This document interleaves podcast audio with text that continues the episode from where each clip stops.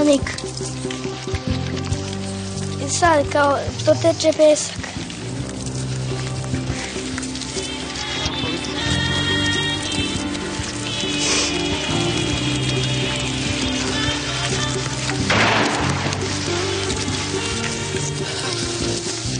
Živet ćemo, radit ćeš ko rob. Bićemo robovi. Nije to hak, to smo mi. Peščanik.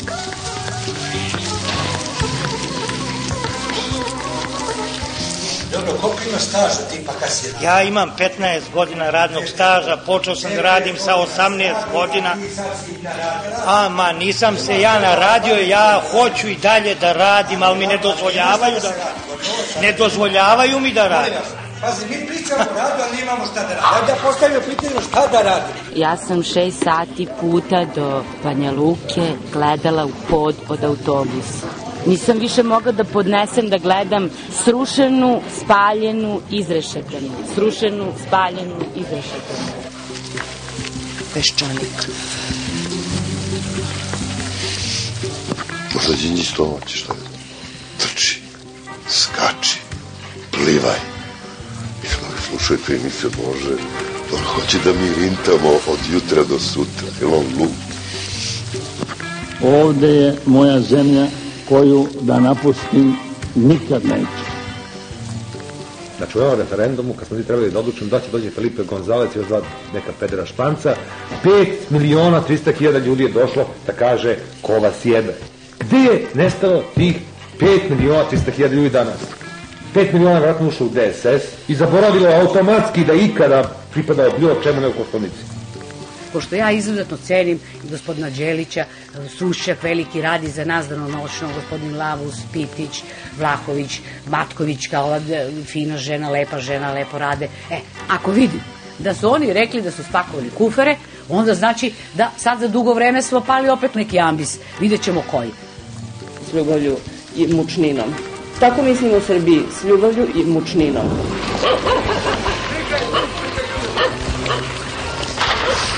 Šta ti braniš? Peščanik.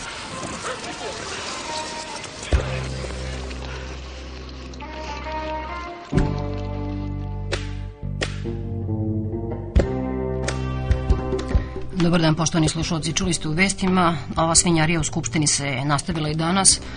Vojvodina, adjutantkinja, ova poslanica SRS Nataša Jovanović napala je u, u nedostatku oružja vodom predsjednicu Skupštine Natašu Mićić. Poslanici DSS-a, predvođeni svojim revolucionarnim vođom Dejanom Mihajlovim, čučali su po hodnicima jer neće u skupštinsku salu preko koje, kako je rekao Mihajlov, DOS u zemlju uvodi diktaturu i pravi za nas novi horor film.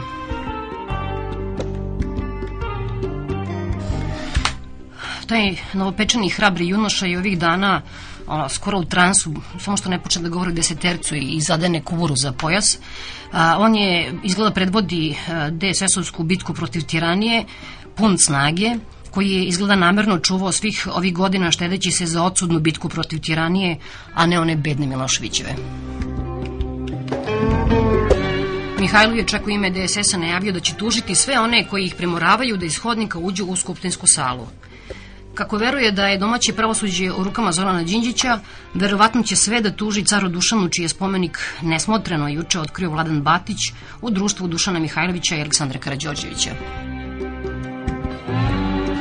A ministar pravde je posebna priča.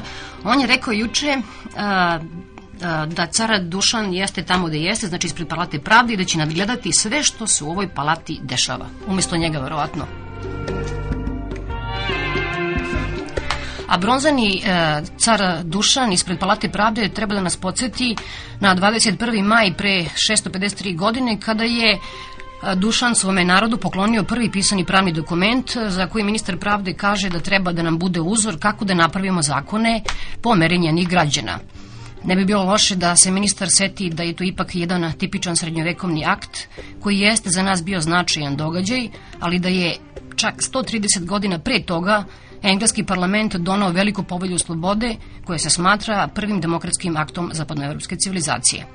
a velika povelja slobode dozvoljavala je Englezima ne samo kao Dušanov zakonik nama da običan svet može da tuži cara, nego i da građani mogu caru objaviti rat ako on prekrši povelju. Ovo tek toliko da se podsjetimo da Dušan Silni nije ni prvi, a ni najbolji student Boga pravde. U Dušanovom zakoniku, kako smo juče a, slavili, ima jedan član koji kaže da se lopovima odseca onaj deo ruke kojim je krao. E, baš me zanima kako bi po zakoniku a, prošla jedna od jučerašnjih a, svečanih zvanica na otkrivanju spomenika Bogoljub Karić. Ako ništa drugo ostavi bez prstena, ako je taj car Dušan to što Batić priča da jeste. Ne znam kako ste vi proveli dan, meni je loše počeo. Dva sata sam morala da slušam predsednika Koštunicu skoro. Taj čovjek je bio danas u institutu a, za filozofiju i društvenu teoriju gde je promovisao svoju knjigu.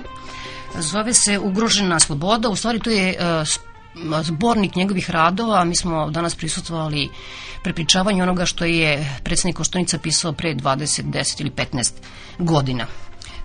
Njemu je bilo prijetno zato što su bile njegove kolege, bio je to Mihajlo Marković, Ljuba Tadić, Kosta Čavoški, akademik Vojislav Stanovčić, to su bili uvodičari, znači Čavoški i Stanovčić, a, a moram da kažem da je akademik Stanovčić rekao da je Koštunicu prati još od malih nogu i da je bio talentovan još kao student, da je na trećoj godini pisao izvanredne radove i stilski i naučno. A, ovo ostalo pripričavali su John Stuart Milla, uh, Rousseau, Loka. Uh, možda ja nisam dobro razumela, ali bilo je samo jasno da kao koštunica između slobode i jednakosti bira slobodu, jer je jednakost u stvari komunizam, a da sloboda u stvari jeste jednakost pred zakonom i da ič ne voli revoluciju, predsednik Koštunica.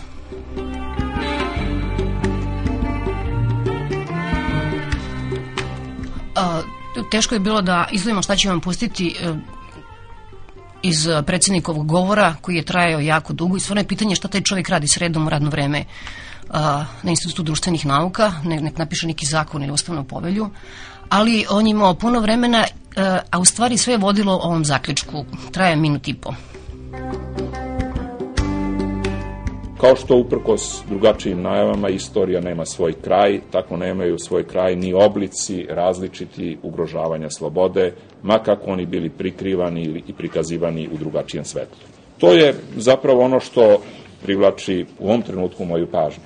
Recimo, globalizacija i mondializacija kao novi savremeni oblici tiranije vladajućeg mišljenja, čije posledice ni naši prethodnici ni mi ne možemo do kraja da sagledamo. I još nešto, šta je u današnjem svetu, u međunarodnom pravu pre svega, u vreme različitih voluntarističkih mirovnih planova, humanitarnih intervencija, ideologizacije i manipulacije ljudskim pravima, krstaških ratova protiv onoga i što jeste i što nije terorizam, poigravanja sa idejom međunarodnih krivičnih sudova, da navedem samo neke primere šta je u sve ovo još ostalo od klasičnog načela vladavine prava da vas na kraju podsjetim na jedan poznati dijalog između Tomasa Mora i njegovog mladog i vatrenog sagovornika iz poznatog Boltovog komada, još poznatijeg filma Čovek za sva vremena. U tom dijalogu Mor pita šta biste vi uradili da ne biste zasekli veliki put kroz zakone kako biste otkrili đavola. Roper odgovara, posekao bih svaki zakon u Engleskoj da bi ga se domogao. Mor, a kada padne i poslednji zakon i đavo krene na vas, gde biste se onda sakrili ropere kada su svi zakoni pogaženi? To je pitanje koje danas sebi treba da postavimo i u nečemu što je pravo u onom unutrašnjem smislu reči, ali čini mi se daleko više u odnosu na nešto što je međunarodno pravo danas. Hvala. Hvala.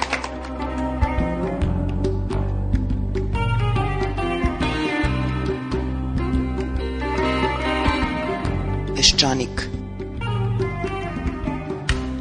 A juče je u Medija centru održana javna debata Nezavisnog udruženja novinara Srbije o lustraciji. Govorili su između ostalih Lazar Lalić, prvi, znači predsednik Nezavisnog sindikata radnika RTS-a, Gordana Suša, e, Biljana Kovačević Vučo, profesor Radoslav Stojanović i Vladimir Vodinjelić, takođe profesor iz Centra za unepređenje pravnih studija. Valja svako od onih koji se zalažu za ilustraciju, da bude u stanju da jasno razdvoji ilustraciju od čistke. Čistka znači automatski uklanjanje nekoga, pa između ostalog i sa javnih funkcija, zato što je pripadao poraženome sistemu, zato što je bio u nomenklaturi ranijeg sistema. Ilustracija to nikada nije. Ona nije usmerena protiv nekoga ko je pripadao ranijem sistemu zato što je pripadao ranijem sistemu. Ilustracija je preventivna mera. Njome se hoće sprečiti da na javne funkcije dođe neko ko je kršio ljudska prava. 65% starih rukovodilaca je i dalje u televiziji Srbije na istim mestima. Ne valja što je na mestu e, sekretarice sada ovog sektora za bezbednost i zaštitu Milanovićeva sekretarica. I konačno, na, samo ću jedan da poentiram kad je program u pitanju, jer je to ipak najvažnije. Ne bi se valjda desilo da je ilustracija izvedena na pravi način da sada jedan od ljudi koji su sa Komrakovim kreirali uređivačku onu i onaku politiku one i onakve televizije, da sada bude zamenik glavnog i odgovornog urednika televizije Beograd. Lustracija sa krivičnom odgovornošću nema ništa. Lustracija nije kazna. Lustracija je preventivna mera kojom se uz druge uslove za zauzimanje neke funkcije doda i taj uslov da onaj ko hoće da se na toj funkciji nađe nije u prethodnom režimu kršio ljudska prava. Navedite mi, profesore Vodiniliću, jedan jedini slučaj kada neko ko je nosilac javne funkcije krši ljudska prava nije krivično odgovoran i onda ću vam priznati pravo na individualno utvrđivanje odgovornosti kao lustracijonu meri, što je, definitivno nije tako. Lustracija je jedna mera objektivne političke odgovornosti gde se zaista taksativno nabrajaju ljudi koji su u određenom vremenskom periodu obavljali javne funkcije od državnih medija do ostalih javnih službi, Očigledno je da mi nikad nećemo imati zakon o ilustraciji i da mi nikada nećemo raščistiti sa prošlošću na način kako bi vrednosno odgovaralo, ajde da kažemo, nekim međunarodnim standardima Ujedinjenih nacija, mislim sa stanovišta ljudskih prava, upravo zbog toga što ne postoji politički konsenzus, da ne govorimo o nacionalnom konsenzusu, to sigurno nikad nećemo imati. I ja, iskreno da vam kažem, iako sam od prvog dana se zalagala za neku vrstu uh, moratorijuma na rad, uh, ne samo ljudi koji su obavljali javne funkcije, nego i političkih stranaka, mislim da smo sve dalje i dalje od toga i da smo sve dalje i dalje od odgovora. Ne možemo mi zaustaviti ilustraciju samo na period Miloševića, izvinjavam se. To jednostavno bi bila nepravda. Ja ne mogu, izvinite, da podnosim da danas učestvuju u upravljanju Ustava neki ljudi koji su mene lično progonili i devet ljudi izbacili sa pravnog fakulteta zbog toga što sam kritikovao ustav koji su oni pravili 74. godine. E sad oni opet prave ustave. E pa izvinite, to mi ne možemo. To jednostavno ne može da se podnese. Dakle, moramo imati duže pamćenje. Ja nemam ništa protiv novog i čitanja istorije i procenjivanja i one priče o nacionalnom pomirenju uz neki nacionalni konsenzus, ali nisam za tu priču da dželat i zločinac sednu za isti sto. A to postaje pravilo. Šešelj dolazi na fakultet na kraju. Kaže meni sretove, zar ti kaže nisi umro? Ja kažem, pa eto ja nisam umro, ali ja sam mislio da si ti u zatvoru. A zašto bi ja bio u zatvoru? Pa rekao, izvini, znaš koliko ima tužbi protiv tebe podnad? Ni jedna nije rešena.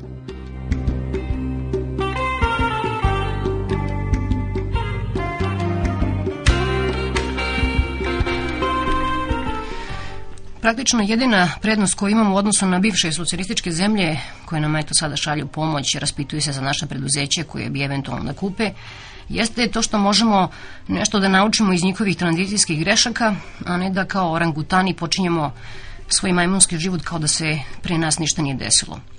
Možemo da naučimo nešto i o ilustraciji i krivičnom gonjenju ljudi iz prethodnog režima, koji su i njih u socijalističkim zemljama ovima i nas sahranili, od duše nas mnogi ovdje bukvalno, a nas koji smo preživjeli ostavili u ovom živom blatu. Međutim, đavola Ovde jedni neće ilustraciju jer je to kažu drugo ime za čistku i inkviziciju, a drugi hoće, ali nemaju sad vremena, a i nema dokumenta e, jer su dozvolili da posle 5. oktobra razni debeovci, bankari i direktori u džakovima iznose i spaljuju sve što bi im moglo da ih tereti. A kad nema dokaza, a mi smo, alo ljudi, pravna država, ni naši vrli tužioci nemaju materijala za pokretanje postupaka. I tako se onda vrtimo u krug, I zato, kao ajde da to prepustimo sudu istorije, da sačekamo tu nepogrešivu istorijsku distancu.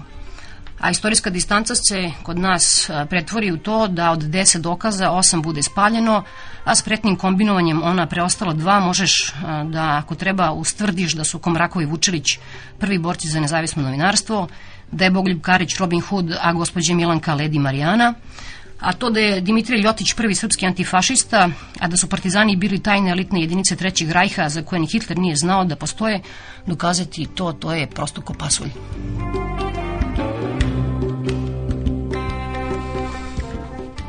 A, uglavnom svi tragamo u poslednje vreme a, za neki znak koji bi nam rekao da će se makar usvojiti onih deset božih zapovesti, makar da ćemo napraviti konsenzus da možda to nije loše, to postoji 2000 godina.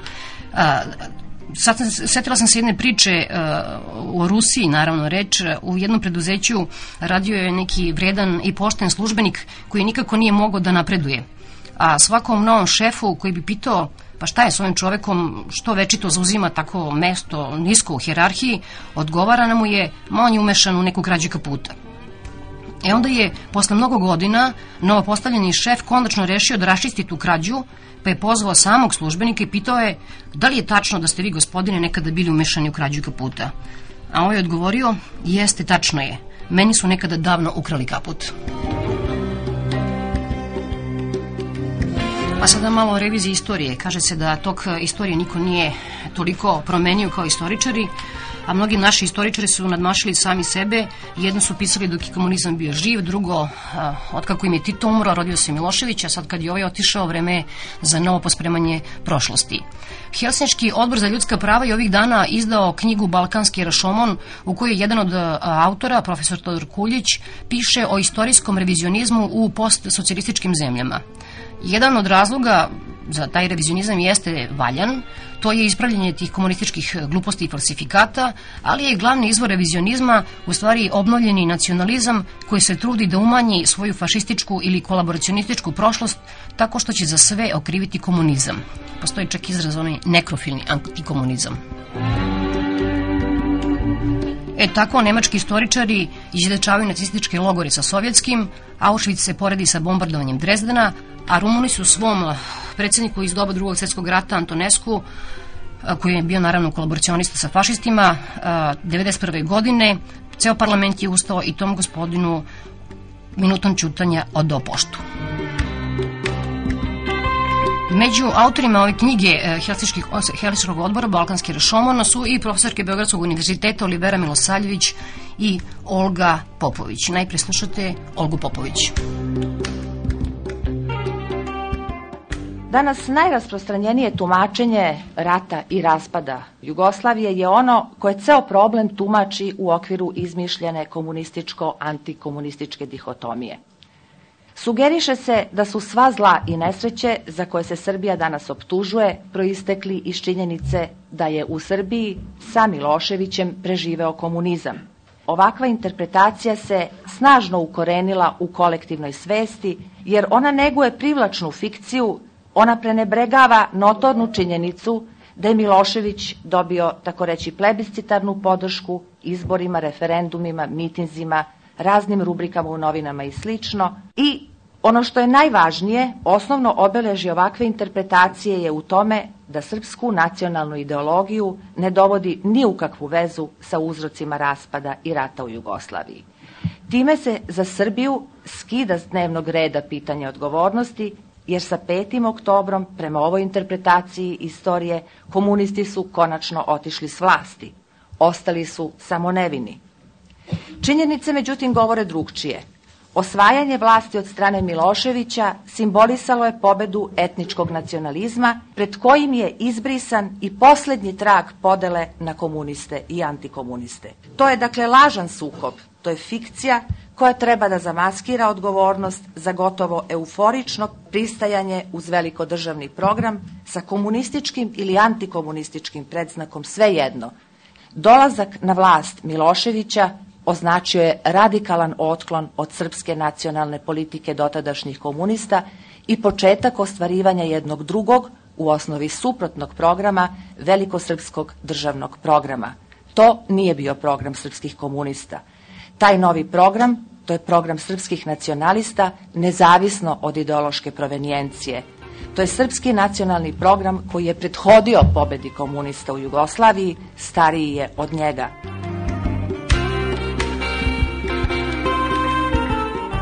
Pomenula bih dakle taj novi takozvani revizionizam koji se pokazuje u pokušaju rehabilitacije četništva.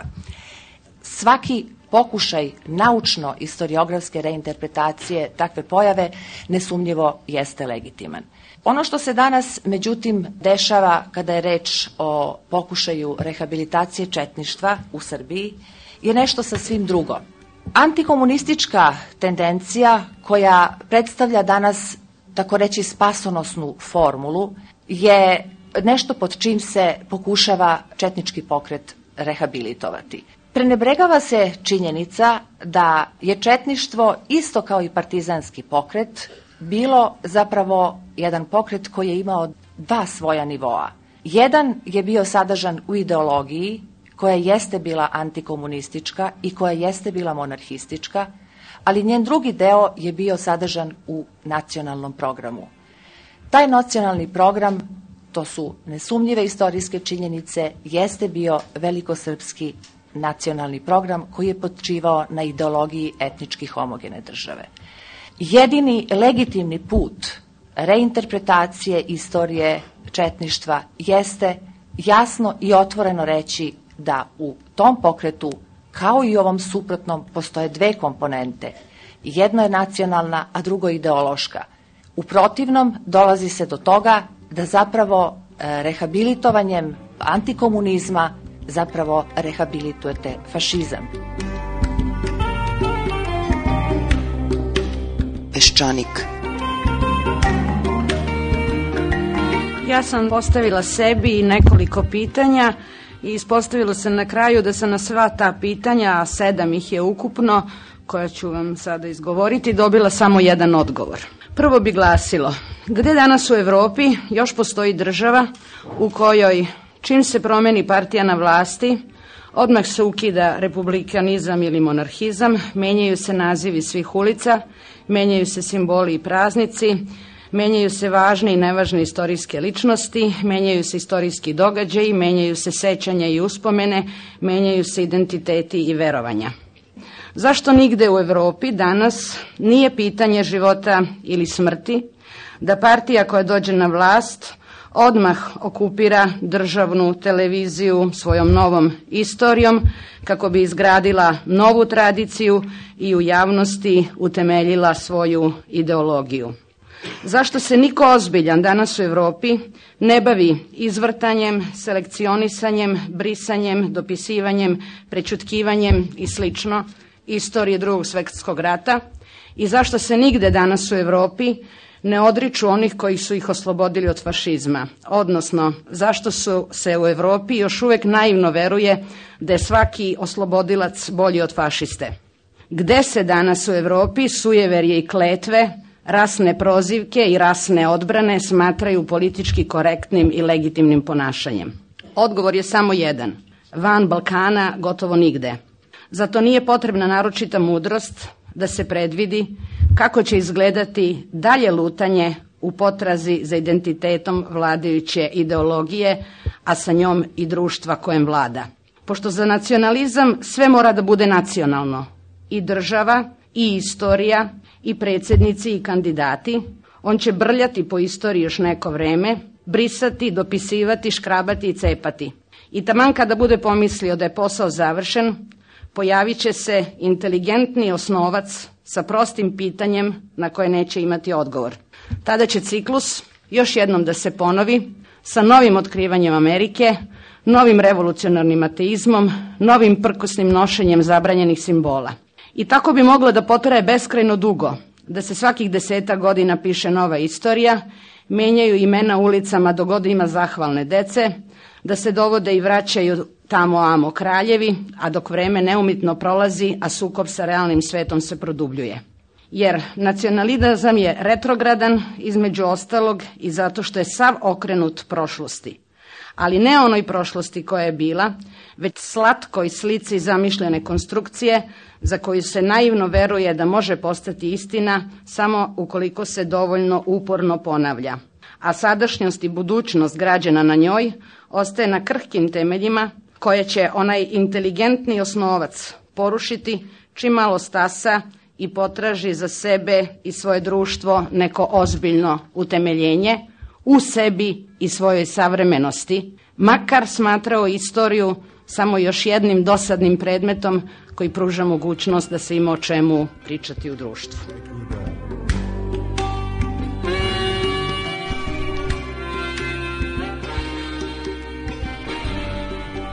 Našli smo takvog osnovca o kojem je govorila profesorska Olivera Milosavljević. Uh, on se zove Vladimir Marković i kada je Milošević došao na vlast, Vladimir je imao 10 godina, a u vreme protesta 96. 97. godine postao je punoletan. Vladimir je sada diplomac na sociologiji i u najboljim je godinama za mladog anarhistu. Autor je teksta od Ljotića dva putića i uopšte postavlja nezgodna i radikalna pitanja. Razgovarali smo sa njim na filozofskom fakultetu, a ispred fakulteta smo se mimo išli sa momkom koji je nosio majicu sa likom Rudolfa Hesa i natpisom Žrtva mira. A u liftu na filozofskom fakultetu postoji praktično samo jedan grafit Svaki je Srbin radovan. Govori Vladimir Marković. Ja ne znam da li ste bili skoro na Kalemegdanu, Sećate se čuvenog eseja iz godina pre drugog svetskog rata Vladimira Velmar Jankovića Pogled s Kalemegdana. Vladimira Velmar Janković inače uvek treba naglasiti da je bio ljotićevski ideolog, prema tome blizak idejama fašizma, što se često prenebregava. E pa taj Kalemegdan, Kalemegdan je ovih dana interesantan zbog vrlo jasnih poruka koje su grafitima napisane na pojedinim spomenicima. Na grobnici četvorice narodnih heroja iz komunističkog perioda ima vrlo jasno napisano komunizam je jevrejski. Moša Pijade ne. Marks jednako Davidova zvezda. Na turbetu koji se nalazi usred e, Kalemegdanskog parka imamo ispisane parole e, protiv islamske ekspanzije u Evropi. Kada su grafiti u pitanju, najviše se treba plašiti upravo tih jako pismeno napisanih grafita sa apsolutno nedvosmislenim porukama koje imaju svoje idejno-intelektualno zaleđe grafiti koji potiču ne od neukih osoba, nego od e, mlade građanske klase iz kruga dvojke.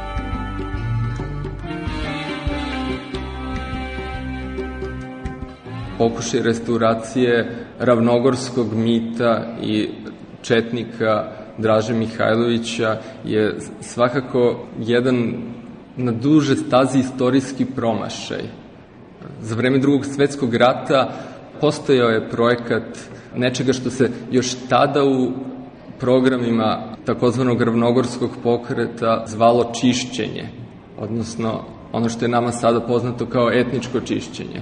Tada je u istočnoj Bosni napravljen genocid koji se na jedan grozan način ponovio i za vreme ovog poslednjeg rata u Bosni. Tako da graditi politički kontinuitet na takvim osnovama, pozivajući se na takvu tradiciju, e, predstavlja jednu strašnu političku grešku. Antikomunizam i antijugoslovenstvo pokušavaju da dokažu da su izvestne tekovine koje su stvorene tokom poslednjih, e, da tako kažem, 50 godina u ovoj zemlji e, bile iz osnova pogrešne, lažne i da je to zapravo bilo rušenje svoje vrste. Ta izgradnja zemlje, neka vrsta modernizacije koja se odigrala u nekada ruralnoj zemlji. Vi znate da je Jugoslavija bila pre drugog svetskog rata sa više od 80% seoskog stanovništva. Taj desničarski resantiman nastoji da prikaže kao apsolutnu vrednost nešto što predstavlja e, zapravo jedno ograničenje tradicije. Siromaštvo naše zemlje pre drugog svetskog rata nastoji da se prikaže kao vrhunska vrednost i zapravo komparativna prednost u odnosu kako na truli dekadentni zapad, tako i na crvenu aždaju komunizma koja je dolazila sa istoka. Siromaštvo ujedno garancija moralnosti. Da, da. Kad sam bio mlad student Brucoš, učestvovao sam u studentskom i građanskom, kako se to zvalo, protestu 96. 97. godine.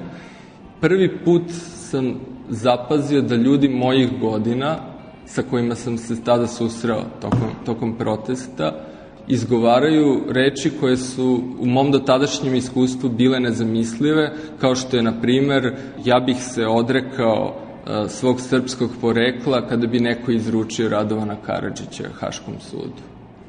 Takođe sam se prvi put suočio i sa, sa strahovito jakom prisutnošću verskih simbola i neopravoslavne prakse među, među studentima.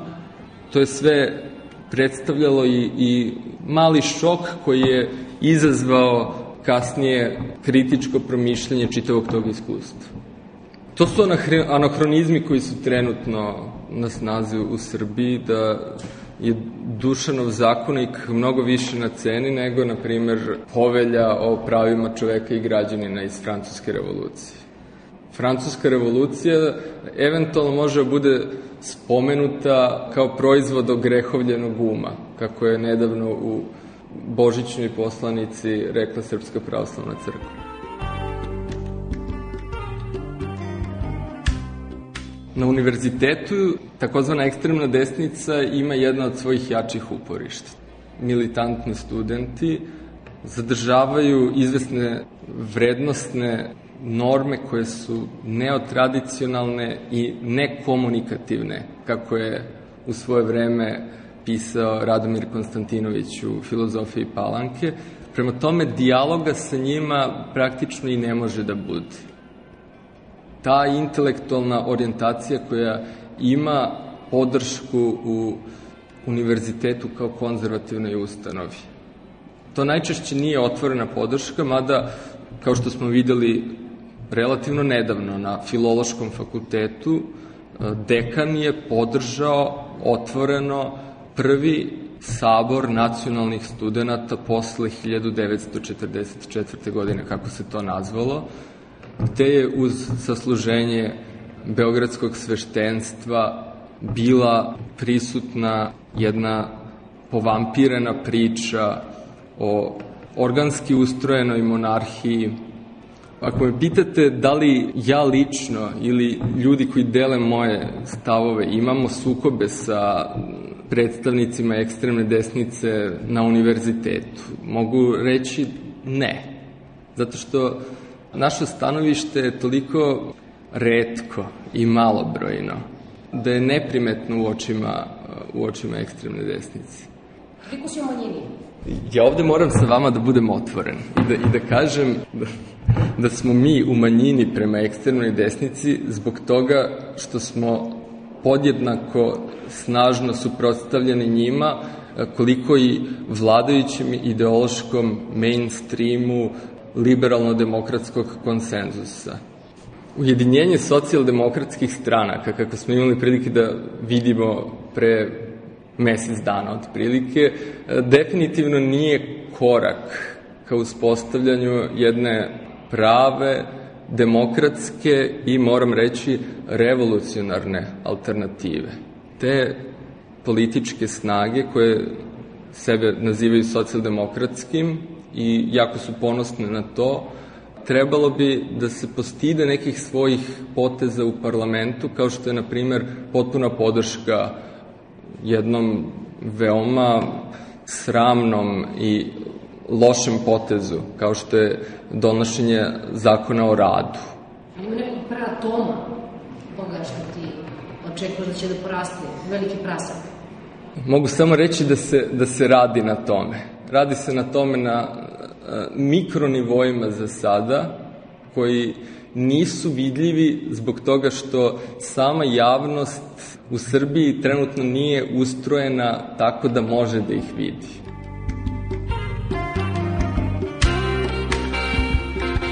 Negde sam čuo da je Hilandar vrlo teško povezati sa antifašizmom. I to je tačno.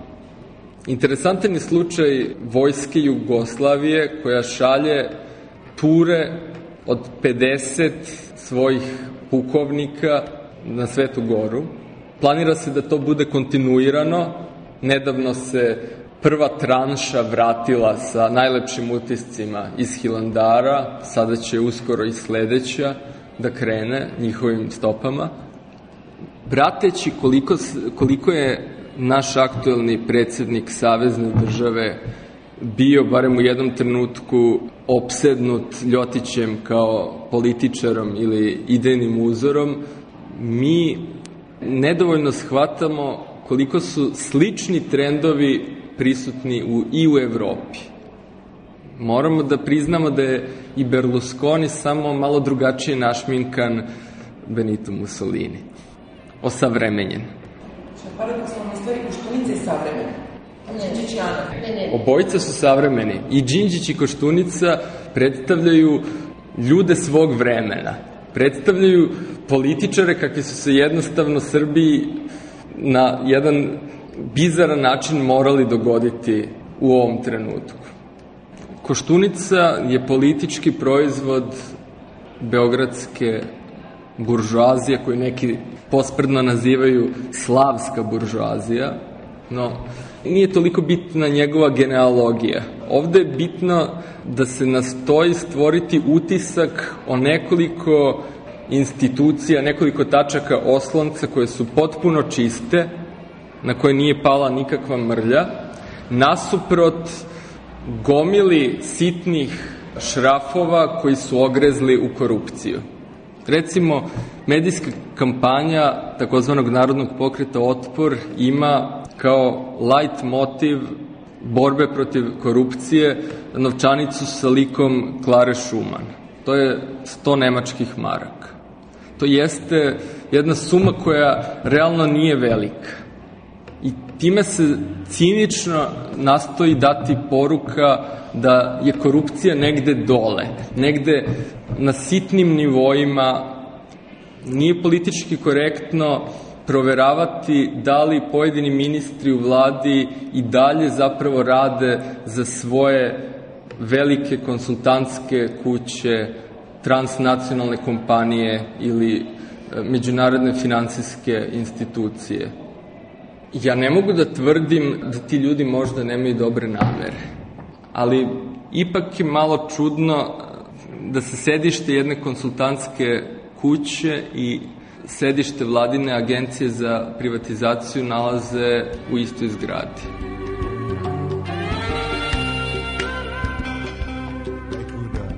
Ja još nisam politički dovršena osoba. Još, još uvek se ne usuđujem da jasno formulišem šta je zapravo ona alternativa na kojoj ću nastojati da se angažujem i da radim u, u ovoj zemlji.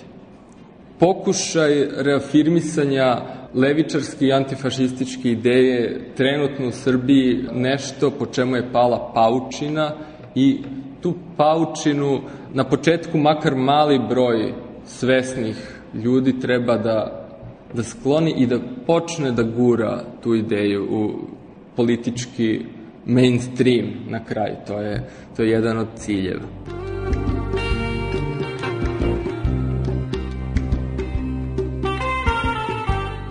Peščanik. Bio je ovo student sociologije Vladimir Marković, momak koji namerava da uđe u politiku, odnosno već je tu. A iz nje namerava da izađe Dušan Kovačević, dramski pisac, nas podsjetimo, on je član G17+, e, obišao je Srbiju duži popreko svih ovih godina, učestvujući na, radi, na raznim mitinzima a član je Krunskog savjeta, međutim, kao što znate, ne više od 20-25% građana Srbije ne deli njegovo mišljenje da Srbija treba da postane monarhija. Govori dramski pisac Dušan Kovačević. Pomenuli ste jednu reč koja je meni verovatno najbliža kao osjećanje, a to je reč umor. Pričam manje više o moje generaciji, o nekim starijim ljudima, skoro tokom celog života mi smo stalno nešto čekali. I postojali su neki periodi u našim životima koji su bili određeni bukvalno činjenicama da su naš ceo život e, obeležila dva velika diktatora. Jedan je bio Josip Broz Tito i drugi je Slobodan Milošević. I mi smo stalno očekivali kraj jednog ili kraj drugog da bi počeli nešto treće. I sad imamo svi osjećaj negde da smo u nekom malo bezvazdušnom prostoru i tako kao onaj cepelin, znate, gde bude duvalo, tu će nas i nositi. Vi ste nemoćni jednostavno. Znate da morate da sarađujete, mnoge stvari vam se ne sviđaju, mnoge stvari znate da su iznuđene, ne bi u njima da učestvujete. Ja stvarno ne želim nikog da hapsim, ne želim nikog nikog da isporučujem, želim jednostavno kao 99% građana u ovoj zemlji da živimo od svoga rada. Naravno, sad počinje ona večita priča da posle 10 plus 50 godina to ne može biti za godinu dana, evo uskoro će biti dve godine, neko za to ima još uvek razumevanja, neko više nema. Najtragičnije u celoj toj priči što oni koji su u ovoj zemlji najpotrebniji imaju prava da nemaju razumevanja, to su mlade ljudi. A svakim danom samo Beograd napušta na stotine mladih ljudi, a da u istom tom trenutku ovih dana je objavljeno preko 60% populacije u Srbiji nije završilo srednju školu. I to je nešto što se već graniči sa naučnom fantastikom. Ako vi imate 60% ljudi koji nemaju završenu srednju školu, a sigurno 21. vek će biti vek znanja, očigledno je da ćemo imati jedan strašan problem da će umesto nas da misle stranci. Naravno tu mogu da se bune patriote, mogu da se bune i levi i desni, činjenica je takva kakva jeste. Znate, vi na lutri niste dobili ništa. E sad možete da se žalite i da pišete tužbe, žalbe i molbe, u ovom izvlačenju niste prošli. Probajte ponovno.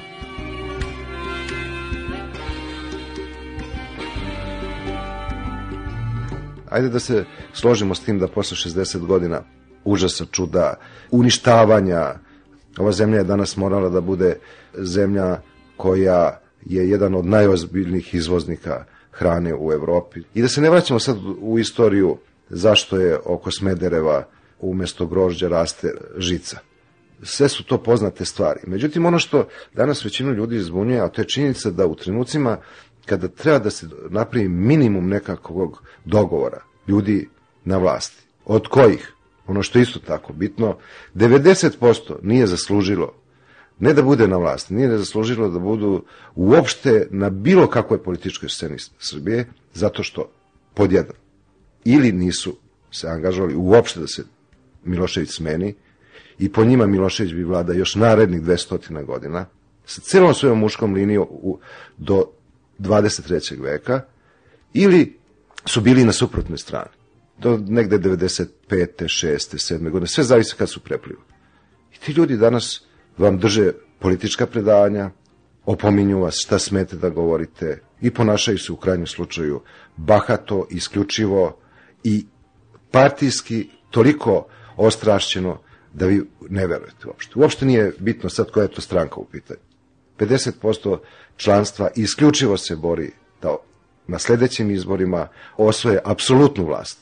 I vi gledate ovako i sad pitate se gde je u celoj toj priči nekakav nacionalni program, gde je u toj celoj priči priča o tome da deca, studenti najbolje generacije iz Srbije sa 22, 3, 5 godina napuštaju Srbiju, a da oni koji imaju u proseku 150 godina opet odlučuju o našoj sudbini i pričaju o budućnosti. Njihova budućnost je da imaju gram mozga, da odu do novog groblja i da pogledaju tamo da se izbore za neko čestito mesto. Ko šta tu radi, ko šta piše, jedan piše povelju, jedan piše budući ustav, jedan sedi nešto crta, drugi planira, treći se povezuje s jednom linijom, četvrti trguje, e, sve ono što stranke misle da, da rade ilegalno, sve se to naravno zna. I onda vi sedite i gledate u Srbiji neku novu klasu koja izrasta, mahom e, bivših lopova i kriminalaca i to je vaša budućnost. Vaša je budućnost da sedite sa ljudima i da se pravite da smo svi isti. Znate, ta priča o ekstra profitu, to je jedna od meni najsmešnijih priča koje sam u poslednje vreme čuo u, u, u ovoj zemlji. Nas dvoje upadnemo u banku, opljačkamo, iznesemo 100 miliona maraka, onda nas policija uhvati i traži 10 miliona ekstra profita. I onda se mi bunimo i kažemo, nemojte ljudi, znate koliki je bio rizik da mi pljačka. Imali smo troškove kola, imali smo troškove organizacije, nije lako pljačkati banku. Mnogi su poginuli u pljačkama. Znači, mi smo rizikovali život. I vi hoćete 10 miliona. Hajde se nađemo na 5 miliona i onda se ne, tu na, nagodimo negde oko 10 miliona i oni kaže, ajde, evo vam 90, ali nemojte nikad više to raditi. Evo sad ste tu radili da vam ne padne na pamet više. I to je priča o ekstra profitu. Znate, litra benzina, četiri marke, od toga pola benzina voda. Gde su te pare? Ko je to? Ko je to radio? Gde su nestale oprane pare od e, namjerno izasvanih inflacija? Pojeo Vuk Magarca, nikom ništa. I to su ti ljudi danas koji po Beogradu voze kola kao da je Beograd Monte Carlo.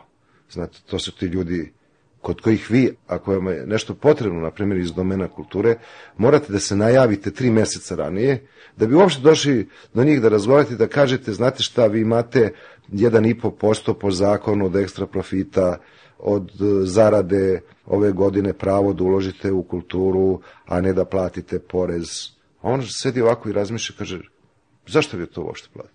Zašto bi dao i 1,5%? Ili će vam dati 1,5% pod uslovom da se ugradi, da kaže dobro, daće vam 1,5%, to je 15 miliona dinara. Kako ćete vi to da mi vratite? I to je ono gde sam ja se zaustavio i rekao, ako hoće ova vlast da se igra i da proba dokle će ići, neka proba. Ali da će udariti direktan, da će imati direktan sudar sa zidom, to nema greška.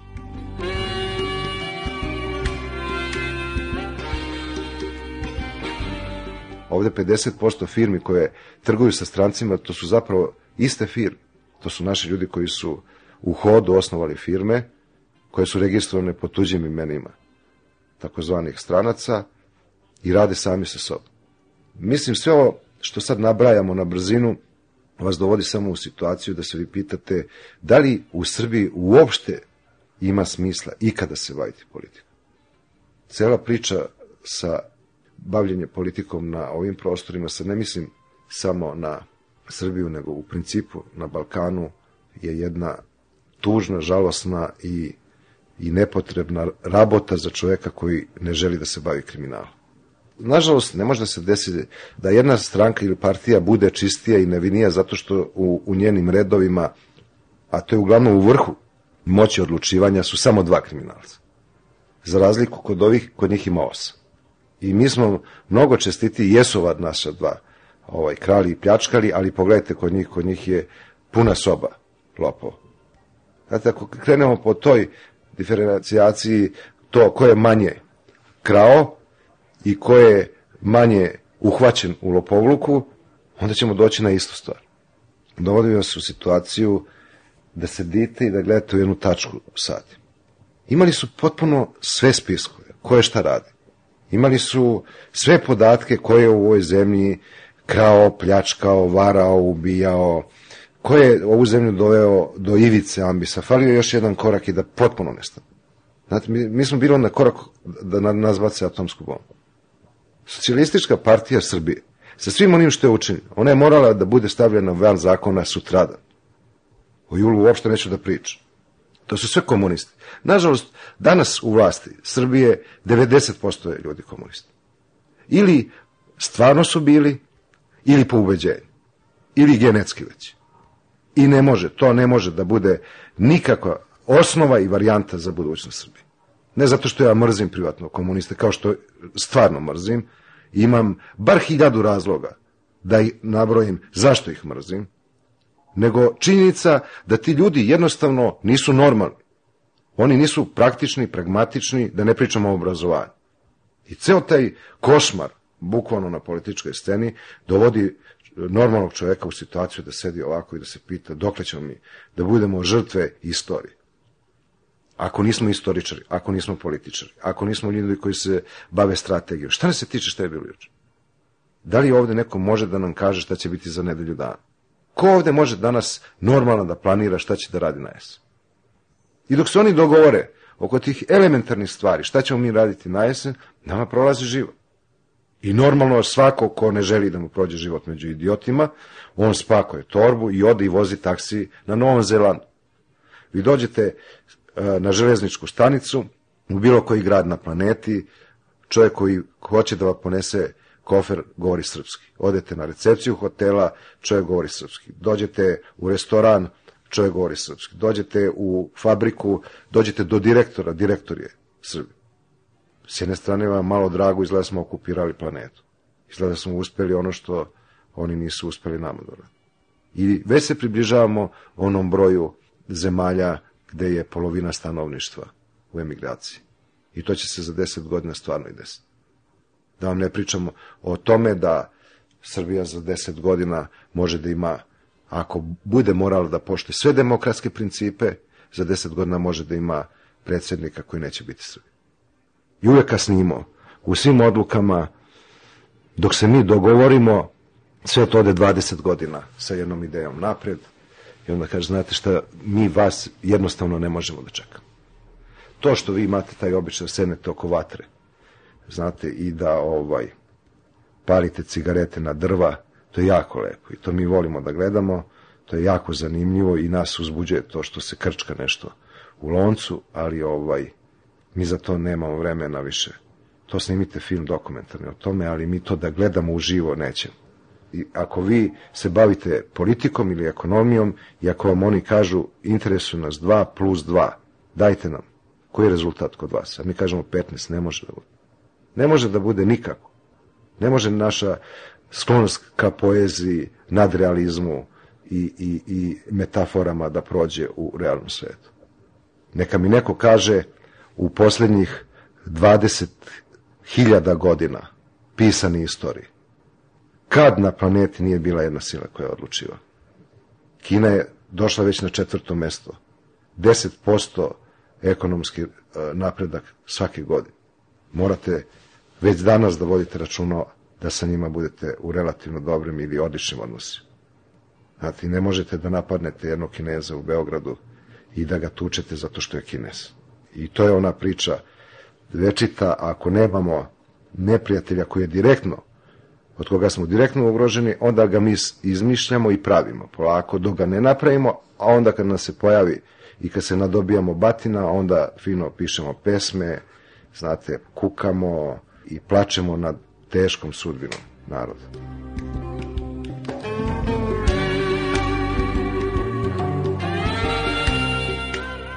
izbegavam uopšte da dajem intervju i se vratim mom poslu, jer sam ustanovio samo jednu stvar, upravo putujući po Srbiji, da jedino lepo što mi se događa to je vezano za moj posao. Sve ostalo imam osjećaj nekog uzaludnog vremena koje je prošlo, čak počevši od onog vremena Tita kad smo išli i pravili nekakve incidente i džumbuse, da je sve to negde pomeo vetar i da je to sve otišlo, znate, kao prašina. I ostalo je samo to da sam ja pre 30 godina, evo sad će biti punih 30 godina napisao neke maratonce, gde nekakvi klinci koji su mlađi od tog filma 15 godina pričaju i pitaju me za neke ljude, nažalost većine glumaca iz tog filma više nema, ali u jednom trenutku vi se umorite i kažete ja dalje ne mogu. Ja više ne bih i izračunate, morate, morate jednog dana da izračunate koliko možete da trčite još I ako vam neko kaže, ajde, ponovo idemo na maraton, vi kažete ne. To fizički nije tačno. U svu želju i, i, i ljubav i ubeđenje i nekakve iluzije, vi morate da znate koliko vam je još ostalo puta i šta bi bilo jako dobro da uradite za to vreme što vam je preostalo. Jer se meni, nažalost, dogodilo da je moj notes u kome su imena ili telefonski brojevi mojih prijatelja neupotrebljiv. Odnosno upotrebljiv je ako mogu da telefoniram iz glave, što sve češće radim. Proći će i ovo. Proći će i ovo kao što je prošlo sve, ali evo da ne budem neskroman, mislim da je mnogo važnije da postoje sumnjivo lice, gospođa ministarka, nego da je u to vreme bio predsednik vlade ili ne znam ko je bio na čelu države, ko su bili. A ti neki komadi su opstali, preživeli i živeće dok bude ovog naroda.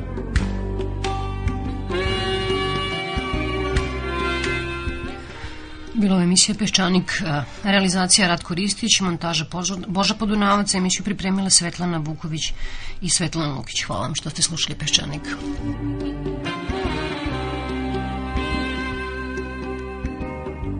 Peščanik.